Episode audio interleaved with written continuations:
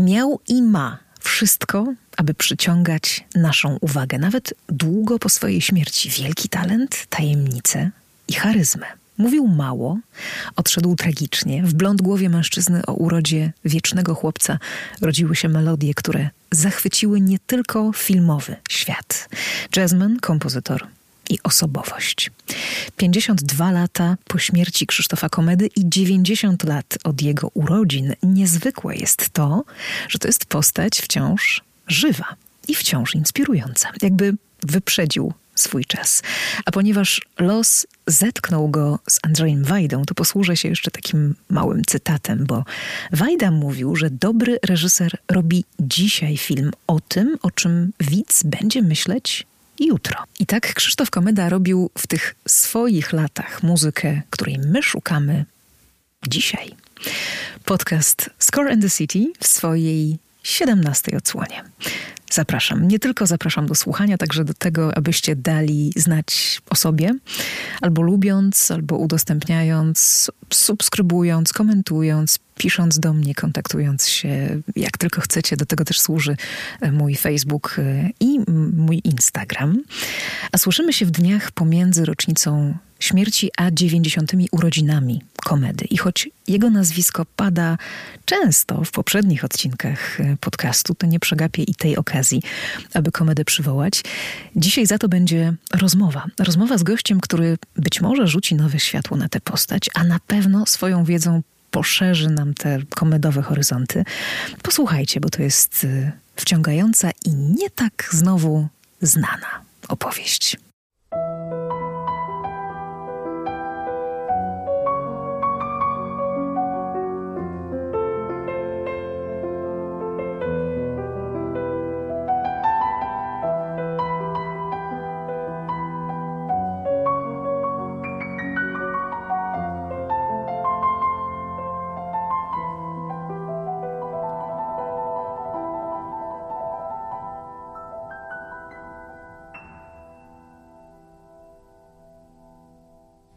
Andrzej Winiszewski, dziennikarz, znawca jazzu i muzyki filmowej, łączący w swojej pracy oba te światy, które mają tak wiele wspólnego, a ta praca to jest jego program Movie Jazz w Radiu Jazz FM, także audycje w Polskim Radiu Zachód. No i to jest też niestrudzony promotor muzyki i ludzi, co widać i słychać mm, na przeróżnych wydarzeniach, które są jazzowi poświęcone. Czy coś pominęłam, panie Andrzeju? Że to dużo za dużo, e, moim zdaniem, bo rzeczywiście e, e, ja lubię opowiadać o jazzie i to chyba jest ten najważniejszy element tego, co robię. Natomiast czy to robię w radiu, czy to robię na festiwalach, czy to robię w zaciszu jakiegoś domku letniskowego, będąc przyjaciółmi, to chyba nie ma większego znaczenia. Chyba podstawową pasją to, to jest to, że ja po prostu lubię o tej muzyce rozmawiać i opowiadać i to by absolutnie wystarczyło. Co ten jazz w sobie ma, że i pana tak pociąga i nas, no i co takiego jazz daje kinu, że oto kino i jazz tworzą taki zgrany nomen omen duet? Daje jazz, e, że ludzie się w ogóle nim zajmują. Ja myślę, że to jest jedna z tych e, najbardziej frapujących dziedzin w ogóle kultury muzycznej. XX wieku. W XX wieku nie pojawiło się, no może oprócz rock'n'rolla i muzyki rockowej, czyli ostatnich dekad, może hip-hopu. E, takiej dziedziny e, muzyki czy muzycznej kultury, która byłaby tak żywotna i tak mocno wpływała na inne dziedziny kultury w ogóle e, w XX wieku, a myślę, że pod tym względem jazz wyprzedza wszystkie inne nurty. I teraz przechodząc do mm, kolejnego Pani pytania, to jest myślę bardzo prosta sprawa. Film i jazz y, zostały ze sobą nierozerwalnie połączone w latach 60. I pytanie jest o tyle istotne i ciekawe, że coś musiało spowodować y, ten fakt, że filmowcy, zwłaszcza w Polsce i filmowcy y, w Europie, bo w dużej części to jest wina tego, co działo się we Francji, Nowa Fala, czarni Afroamerykanie, którzy przyjeżdżali tam e, do Francji, nagrywali ścieżki muzyczne. Mamy Louisa Mala i Window na Szafot, taki sztandarowy przykład Milesa Davisa. No to jest koniec lat 50., czyli mniej więcej okres, w którym ta miłość polskich jazzmenów, polskich filmowców się rozpoczyna. Jeśli spojrzy się na filmografię polskiego jazzu, ja specjalnie używam takiego pojęcia filmografia polskiego jazzu, bo uważam, że ono jest zupełnie nieobecne w takim języku muzykologicznym, a już czas najwyższy, żebyśmy je wprowadzili, bo ta filmografia, czyli muzyka pojawiająca się w filmach dokumentalnych, animacji, fabułach, no to jest zupełnie odrębna, fascynująca dziedzina. I byłoby dobrze, żebyśmy działając na polu muzyki i promocji, o tym jednak mówili. Natomiast te lata 60. to jest e, gigantyczna lista ponad 100 polskich tytułów, fabuły i wszystkie inne odmiany dzieła filmowego, które zawierają w sobie muzykę jazzową. Oczywiście w dużej części e, zasługą tej popularności tego mezaliansu obu sztuk jest Krzysztof Komeda, bo do dzisiaj uważamy, że Komeda jest pod tym względem takim sztandarowym przykładem współpracy, e, efektywnej współpracy na poziomie artystycznym, wykonawczym, twórczym, współpracy polskich filmowców i jazzmenów, więc myślę, że to jest postać bardzo szczególna. Natomiast e, jak to się stało, że jazz tak mocno wyrósł w e, film, na gruncie polskiego jazzu i tej części Europy, w której mieszkamy, myślę, że to jest bardzo e, proste. Jak prześledzimy sobie kinematografię powojenną, czy nawet przedwojenną, to tam jazz właściwie nie istnieje. Przed wojną nie istnieje, ponieważ właściwie mieliśmy tam kulturę jazz bandu i muzyki tanecznej jazz w naszym rozumieniu i w rozumieniu amerykańskiego muzykologa czy historyka, jazzmena tamtych czasów, w Europie w ogóle nie istniał, więc właściwie nie został zauważony przez filmowców, więc nie mógł być wykorzystany. Natomiast po wojnie mieliśmy taki e, symfonizujący styl e, e, ilustrowania filmu i robili to znakomicie zresztą polscy twórcy, Kazimierz Sarocki choćby. Natomiast w połowie lat 50., kiedy ten jazz wypełzł z katakumb i nagle okazało się, że to jest coś absolutnie nieprawdopodobnego. Filmowcy zauważyli, że jest to kapitalny sposób na ilustrowanie muzyki, że e, ta żywotność jazzu, elastyczność jazzu, radość płynąca z muzyki, otwartość na tego typu propozycje samych muzyków jazzowych e, w Polsce spowodowała, że jazzmeni i filmowcy nagle stali się sobie bardzo bliskim środowiskiem. Jeszcze jeden ważny element tutaj należałoby, jeśli chodzi o polską muzykę jazzową, mm, wskazać. Pamiętajmy, że jedynym ogniskiem niezależności kultury, no na tyle, na ile można było mówić o tej niezależności w komunistycznym kraju połowy lat 50., była łódzka filmówka. A w łódzkiej filmówce mieliśmy połowę melomanów, czyli pierwszego polskiego zespołu jazzowego jako studentów. Matuszkiewicz, y, Witold Sobociński, późniejszy świetny operator przecież, Andrzej Wojciechowski, późniejszy trębacz, y, właściwie wcześniejszy trębacz melomanów, a późniejszy także y, absolwent łódzkiej filmówki. Potem Skolimowski, potem Komeda gdzieś się pojawi, pojawi w tym kręgu.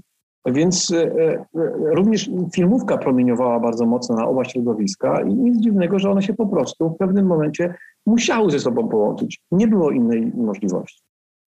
No i jest tutaj od razu kilka takich ciekawych wątków. Pierwszy to jest w ogóle ten związany z tym, że jazz, y, już ten powojenny, mm, który w Polsce wybucha pod koniec y, lat 50., w połowie lat 50., już nazywamy jazzem nowoczesnym. To się wszystko zaczyna w 56 roku na pierwszym festiwalu jazzowym w Sopocie, gdzie się pojawiają i świetni muzycy, ale także wielu przyszłych kompozytorów muzyki filmowej z komedą włącznie.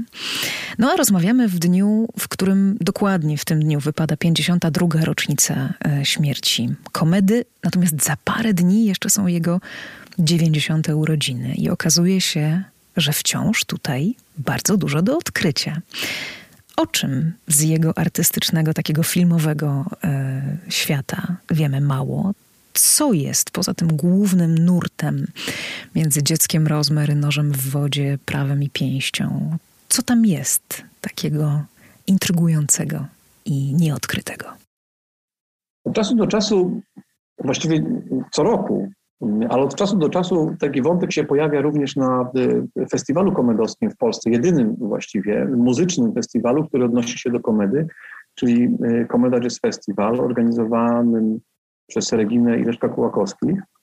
I czasami, kiedy spotykamy się tam, to mówimy o różnych takich elementach spuścizny kompozytorskiej i twórczej komedy. W zeszłym roku zadaliśmy sobie e, pytanie, co nam pozostało po komedzie.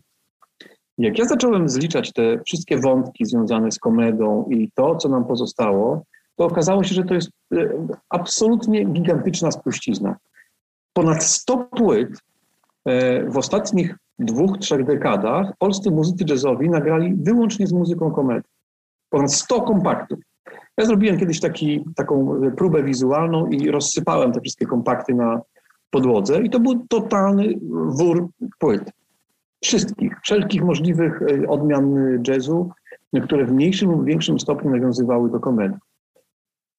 Dlaczego tego samego nie mamy z, z Kurewiczem czy z Trzaskowskim? Też twórcami filmowymi. Z Matuszkiewiczem nawet tego nie mamy. Nawet jednej dwudziestej tego nie mamy, a przecież to jest największy gigant muzyki filmowej E, która bardzo mocno osadzona była w muzyce jazzowej. Więc fenomen jest. E, mówimy też o e, filmografii często komedii. Ja czytam wielu, może nie wielu, bo tych opracowań nie jest aż tak wiele, ale kiedy natykam się na filmografię Krzysztofa Komedy, to okazuje się, że nikt w Polsce nie wie, nikt na świecie nie wie, ile tych filmów tak naprawdę było. Wszyscy mówią, że tak około 60, niektórzy mówią na, stawiają raczej na ilość około 70. Autorka słynnej y, książki Komeda Osobiste Życie Jazzu, Magdalena Grzebałkowska, pisze chyba, że jeśli dobrze pamiętam, y, tych filmów jest 61. Natomiast czy Magdalena Grzebałkowska y, wzięła pod uwagę również te filmy, w których słyszymy muzykę komedy, ale w czołówkach tych filmów nie ma słowa o tym, że tam jest muzyka komedy. Nie wiem, czy Magdalena Grzebałkowska pamiętała o tym, że w dwóch odcinkach słynnego Psa Cywila, pewnie pani pamięta ten serial, pojawia się muzyka komedy. W dwóch odcinkach tego serialu, który kompletnie nie ma nic wspólnego z komedą, powstał lata po śmierci y, komedy, y, a jednak ta muzyka, dźwięki z noża w wodzie do tego wszystkiego się tam pojawia. To jest coś nieprawdopodobnego, a tych filmów ja zliczyłem około dziesięciu których jest ta muzyka, ona jest bardzo wyraźna i najczęściej była to muzyka oczywiście, która mm, ilustrowała te filmy po śmierci komedy w latach 70. i 80., e, kiedy to w wytwórniach płytowych była tak zwana baza muzyki ilustracyjnej i ona tam się znajdowała. Ale jak można było wykorzystać do psa cywila muzykę, która otarła się Oscara? Ja tego nie rozumiem. Jeszcze tego nie opisać. Więc to jest jakiś y, problem. Natomiast kiedy, a często słyszę to pytanie, kiedy pojawia się pytanie, co takiego najwartościowszego pozostało nam po komedzie, co, z tej, co w tej filmografii jest takie jeszcze nieodkryte, to zawsze wracam do tych najważniejszych obszarów twórczości komedy związanego nie z Polańskim, bo uważam, że to jest najbardziej komercyjny nurt. Oczywiście ta muzyka jest tam bardzo wartościowa, ona rozsławiła komedę, ona pomogła w dużej części samemu Polańskiemu. Chociaż, powiedzmy sobie szczerze, ta muzyka też komedę zabiła. Czasami, y, kiedy na spotkaniach y, takich komedowskich y, mówię o tym wątku jakby śmierci komedy, bo on jest najbardziej tajemniczy, do dzisiaj niewyjaśniony, te wszystkie późniejsze śmierci świadków tego wydarzenia w, w Biblii komedy, E, one owiane są tajemnicą i dzisiaj nikt tego nie wie, co się tam właściwie wydarzyło i dlaczego to się wydarzyło. Ale mówię o tym dlatego, że e, komeda gdzieś e, w dużej części rozpoczął swoją twórczość także między innymi od piosenek, których nie lubił tworzyć, ale jednak je robił, komponował.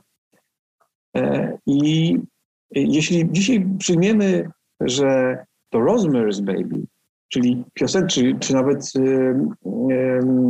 film Baza Kulika, y, przyniósł światową karierę, światowej karierze komedy wielką sławę, to też i tą sławę piosenka nagle niestety zabrała, bo to dzięki, a właściwie z dużym udziałem sukcesu dziecka Rosemary, zdarzył się ten wypadek z, z łaską i później to, co nastąpiło tragicznego po tym. Natomiast wracając do kwestii filmów. Moim zdaniem mm, te najcenniejsze rzeczy, które napisał Komeda w sensie artystycznym, to nie jest kino fabularne, to, które cieszy się największą, najpopularniejszą e, uwagą e, widzów na całym świecie, jeśli chodzi o e, komedę, a raczej kino Mirosława Kijowicza, jego znakomite animacje. Przecież tak siedmiominutowa miniaturka Wiklinowy Kosz, czy też film Klatki, to są tak fenomenalne dzieła, e, w których e, Komeda wypowiedział się moim zdaniem twórczo naj, najbardziej. A wspomnijmy Sztandar, który jest dziełem absolutnie skończonym, a tam jest e, kawał muzyki współczesnej. Komeda tymi ścieżkami muzycznymi do filmów Kijowicza absolutnie wyprzedzał swój czas. Nie tworzono wtedy takiej muzyki. Ona nawet nie jest muzyką jazzową. Mimo, że tam Stańko gra oczywiście na trąbce klatkach.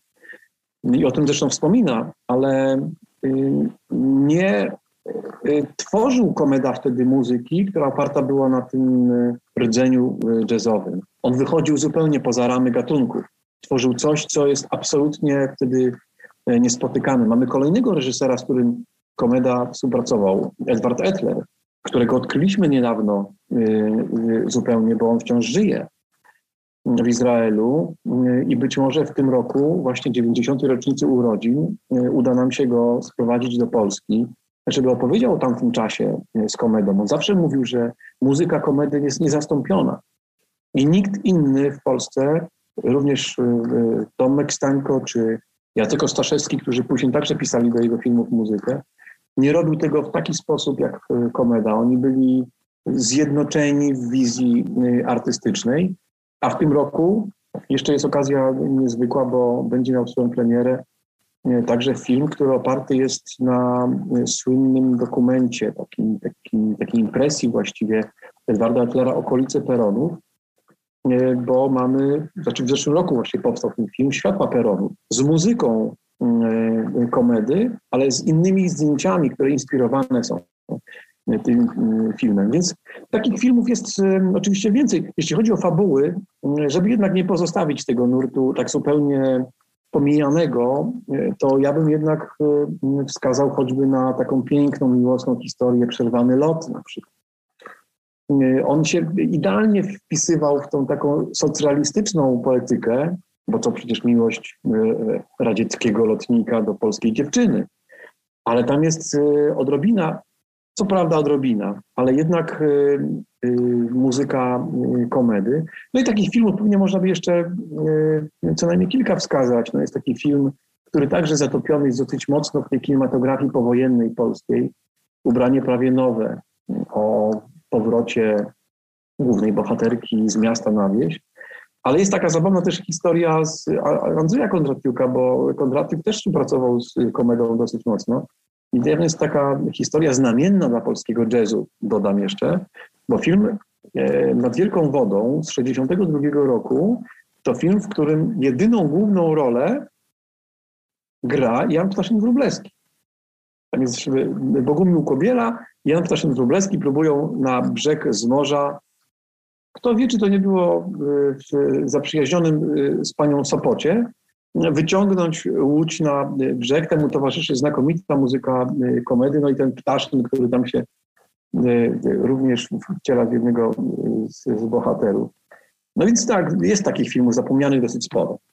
Wspomniał pan ten film Kondratiuka, a mnie się jeszcze przypomina inny film z tego może bardziej już komercyjnego świata, Niewinni Czarodzieje Andrzeja Wajdy. Film, o którym mówiono, że to jest film o komedzie. Łomnicki zresztą na komedę był w tym filmie wystylizowany podsłuchiwał próby, zresztą w ogóle sama postać lekarza i muzyka, no tutaj porównania się nasuwają same. I myślę, że nawet y, jeśli wiemy, że to nie był jakoś specjalnie lubiany film przez samego Andrzeja Wajdę, to być może y, znajdą się wśród naszych słuchaczy tacy, którzy dopiero się tym, z tym filmem teraz zetkną i go sobie przypomną, albo wręcz zobaczą go po raz pierwszy. To jest świetna okazja. Ja myślę, że w ogóle ten film jest pełen kontrowersji, o których e, warto powiedzieć, ale są też takie kontrowersje, o których nie warto, chyba nawet nie powinienem mówić. W wypadku tego filmu, bo ja jestem wielkim fanem Andrzeja Wajdy i jego y, kina, to w ogóle jest twórca, od którego moja przygoda z filmem, już nawet nie jazzowym, ale z filmem się rozpoczęła. Natomiast Niewinni y, Czarodzieje to jest przedziwny film. Wajda nie lubił jazzu. On w ogóle nie cenił tej muzyki, nie, dostrzegał wartości ilustracyjnej w tej muzyce i w jego filmach nie ma jazzu w ogóle. Z w dużej części ta historia związana z Łomnickim, który sobie przefarbował te włosy na blond, a do tego jeszcze te biedne fryzjerki czy kosmetyczki wypaliły mu tam kawał skóry, bo, bo to w latach 60. kto farbował włosy i kto potrafił to robić w Polsce. To jest zupełnie inna kwestia. E, natomiast e, tam sporą rolę jednak odegrał e, Skolimowski, o którym warto powiedzieć przy okazji komedy, bo on jest takim bohaterem drugiego planu i niewinnych czarodziejów, Pinorza w wodzie, bo gdyby nie on, to te historie nie byłyby takimi, jakie je dzisiaj znamy i jakimi je dzisiaj cenimy. I przypuszczam, że w dużej części to Skolimowski również promieniował swoją wiedzą i talentem na to, co działo się na planie tych e, filmów. Jako ciekawostkę warto e, wskazać, że wraz z moimi przyjaciółmi z Radia Jazz i z Agnieszką Kolwek i z Jerzym Szczerbakowem wymyśliliśmy, że właśnie przy okazji tego filmu czas najwyższy, żeby w tym roku 90. urodzin komedy na podwórku, na którym była kręcona ta słynna scena na Lambretcie, z obecnością całej śmietanki polskiego jazzu. To podwórko jest to dla słuchaczy, zwłaszcza z Warszawy, warto powiedzieć. Między ulicą Górskiego a Chmielną. Tam jest takie podwórko, na którym ono do dzisiaj istnieje i bardzo podobnie wygląda. No i bardzo chcielibyśmy, żeby właśnie w tym roku zawisła tam taka tablica pamiątkowa, że w tym miejscu e, kręcona była najbardziej kultowa, jazzowa scena w polskim kinie, bo jeśli nawet bierzemy pod uwagę, że Wajda nie cenił specjalnie jazzu i nie lubił tego filmu i on był taki trochę e, na poboczu jego twórczości, to jednak e, ta scena chyba przebiła wszystkie inne sceny e, w polskim kinie ostatniego półwiecza jest absolutnie kultowa. Mam nadzieję, że ta tablica tam jednak zawiśnie tego roku. No ja chyba sobie tam pojadę na to podwórko, mm, zrobię zdjęcia e, i jakoś utrwalę e, to miejsce. Piękna opowieść. A wracając jeszcze do mm, Mirosława Kijowicza, ostatnio oglądaliśmy klatki e, na zajęciach ze studentami, a też kiedy opowiadałam swoim studentom o początkach polskiej muzyki filmowej w ogóle, wspominałam tam komedę i słuchaliśmy jego muzyki, to mm, jeden z moich studentów fantastycznie właśnie ujął w słowa cały ten sekret związany z popularnością jego muzyki, bo on powiedział, że, że on takiej muzyki dzisiaj szuka. On, 19, 20, niespełna dwudziestolatek, szuka muzyki komedy, tej napisanej e, przed laty. Czy, czy to jest rzeczywiście ta tajemnica, że komeda wyprzedził swój czas? Ja czasami mówię, że jest taki e, twórca również w historii światowego jazzu, amerykańskiego jazzu, czy afroamerykańskiego jazzu, bo przecież ta muzyka jest e, zdecydowanie afroamerykańska. I czasami porównuję, bo obaj byli pianistami, choć e, te światy ich są kompletnie inne. Myślę tu o Teloniusie Monku. Monk do dzisiaj uważany jest przez największych pianistów świata, od niedawno zmarłego Chica Corie po Kifa Jareta, Brada Meldała i wielu innych wybitnych pianistów, e, za absolutnie e, nowoczesnego pianistę. Uważany był tak, za takiego w latach 40., 50., 60. i uważany jest na początku XXI wieku, na początku trzeciej dekady. To jest fenomen totalny. I ja myślę, że nie wchodząc tutaj w różnice stylistyczne języka wykonawczego, bo to są zupełnie inne światy, jak powiedziałem, myślę, że to jest bardzo podobny fenomen. On, ta muzyka jest absolutnie wyprzedzająca swój czas.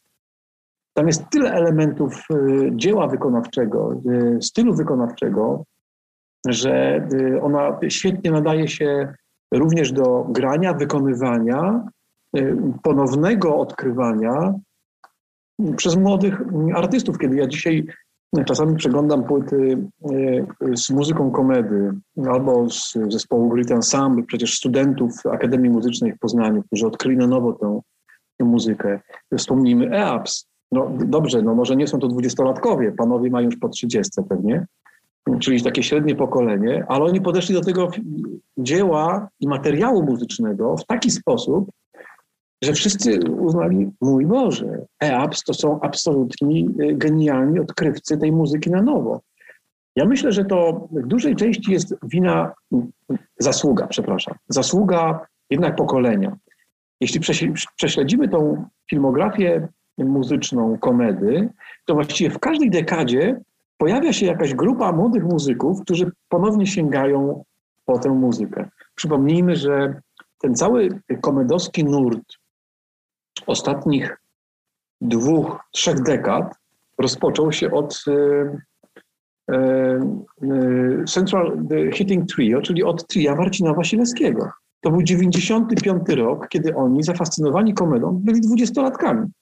Kiedy zafascynowani komedą chyba nawet młodsi niż dwudziestolatkowie, za, zafascynowani komedą, nagrywają płytę poświęconą jego muzyce.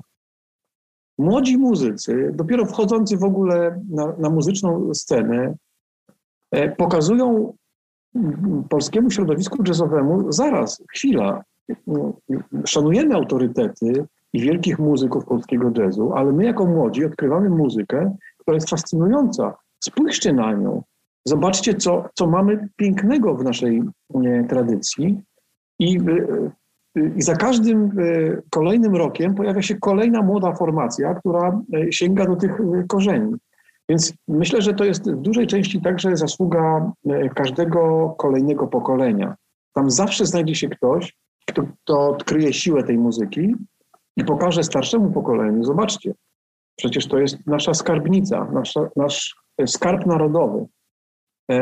E, należy go kultywować, należy tę muzykę odkrywać na nowo, bo tam jest potężna siła i energia. Tak mi się wydaje, więc ja bym to jednak e, zrzucił trochę na karp młodych ludzi i tego, że to oni dostrzegają e, tą magię tej muzyki, która operuje po prostu uniwersalnym językiem.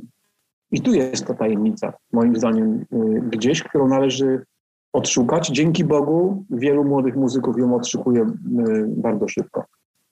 Muzycy mówią, że grają komedę, bo ta muzyka jest elastyczna i się łatwo poddaje wciąż nowym y, reinterpretacjom.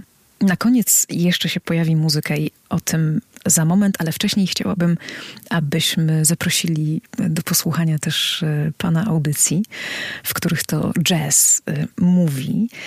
Pierwszym takim programem, e, którego ja posłuchałam, był program o Kurylewiczu. I ten program mnie wciągnął absolutnie, bo rzeczywiście był dla mnie mm, takim dużym odkryciem i pokazał mi Kurlewicza ze strony, o której nie wiedziałam. Proszę powiedzieć, jak pan sobie ten program wymyślił? Jaka tam była za tym e, idea?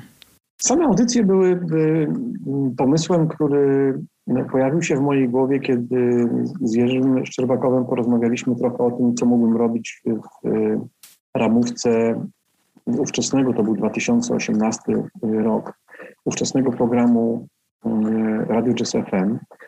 A ponieważ y, ja od lat pracuję nad takim wydawnictwem albumowym y, Polska Filmografia Jazzowa y, z założeniem, że opiszę tam i opisuję 100 najważniejszych filmów w historii polskiego powojennego kina, w których jazz zdecydowanie pełni rolę stylotwórczą.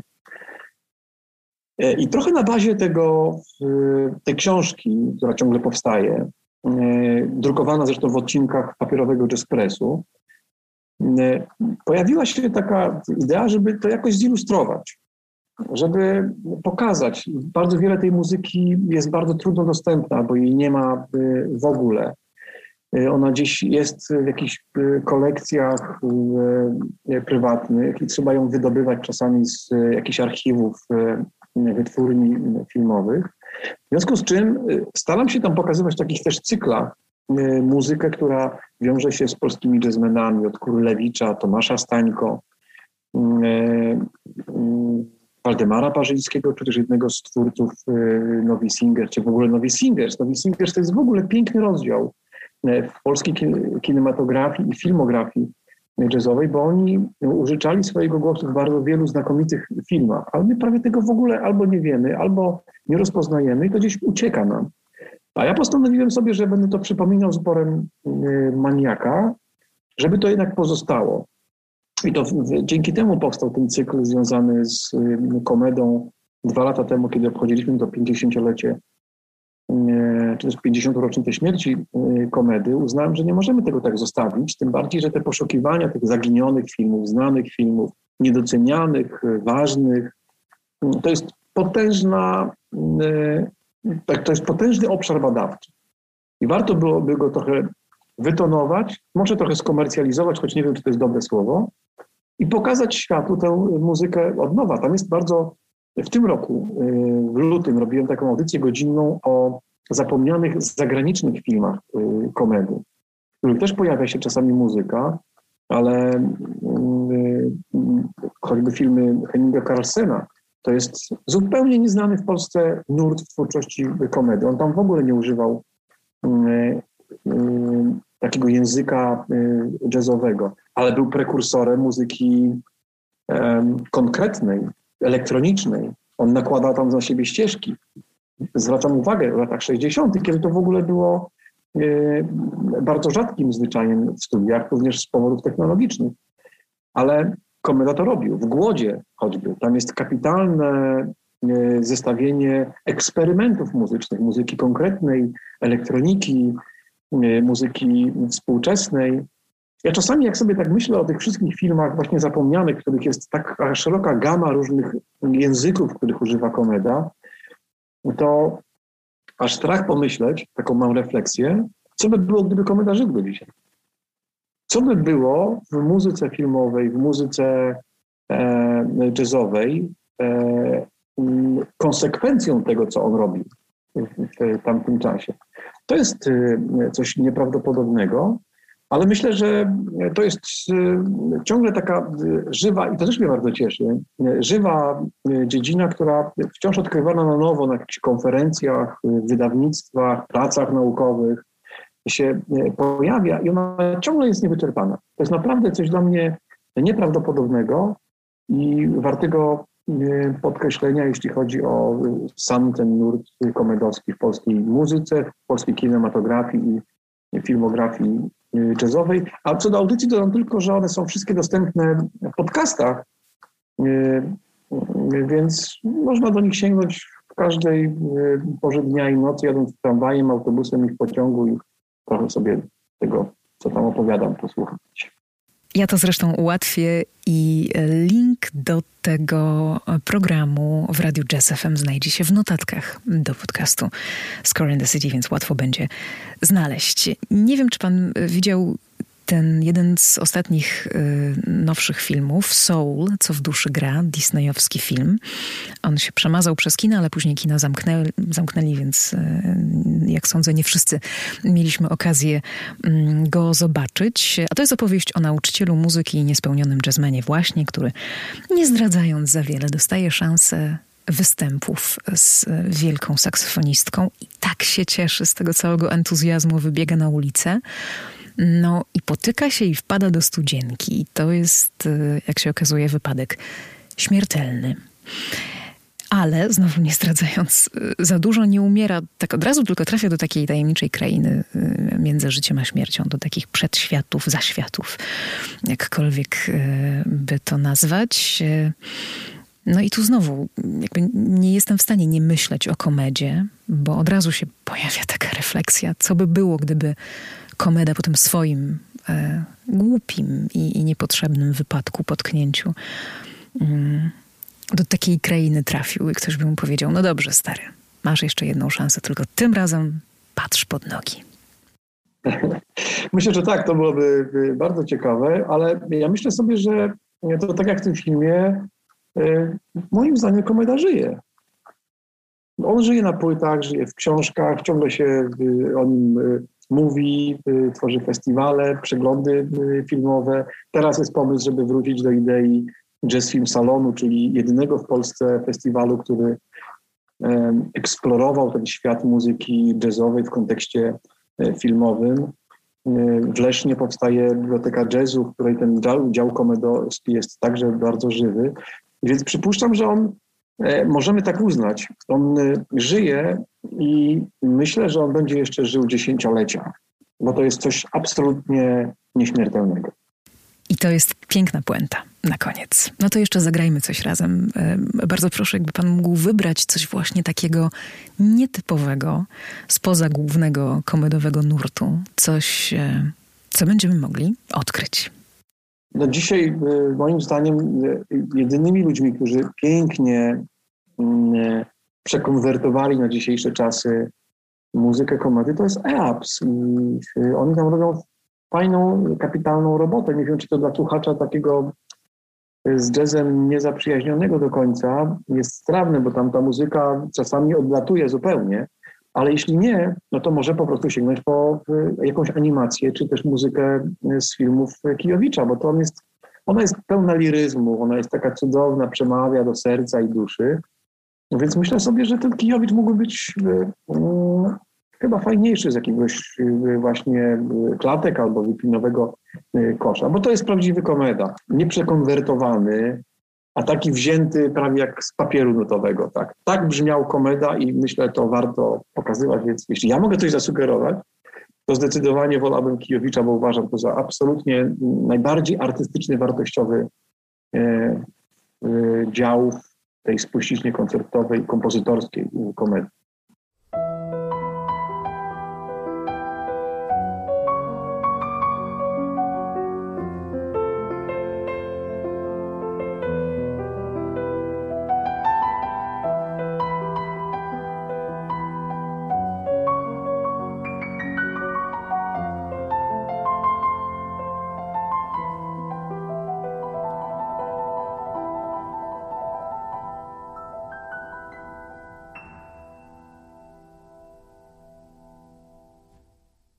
Wiklinowy kosz. Słuchamy fragmentu muzyki Krzysztofa Komedy do tego filmu animowanego Mirosława Kijowicza z 1967 roku, a tę groteskową opowieść o sile tworzenia i o sile destrukcji znajdziecie bez problemu e, z obrazem na YouTube. Mnie zresztą także. Bardzo dziękuję i do usłyszenia.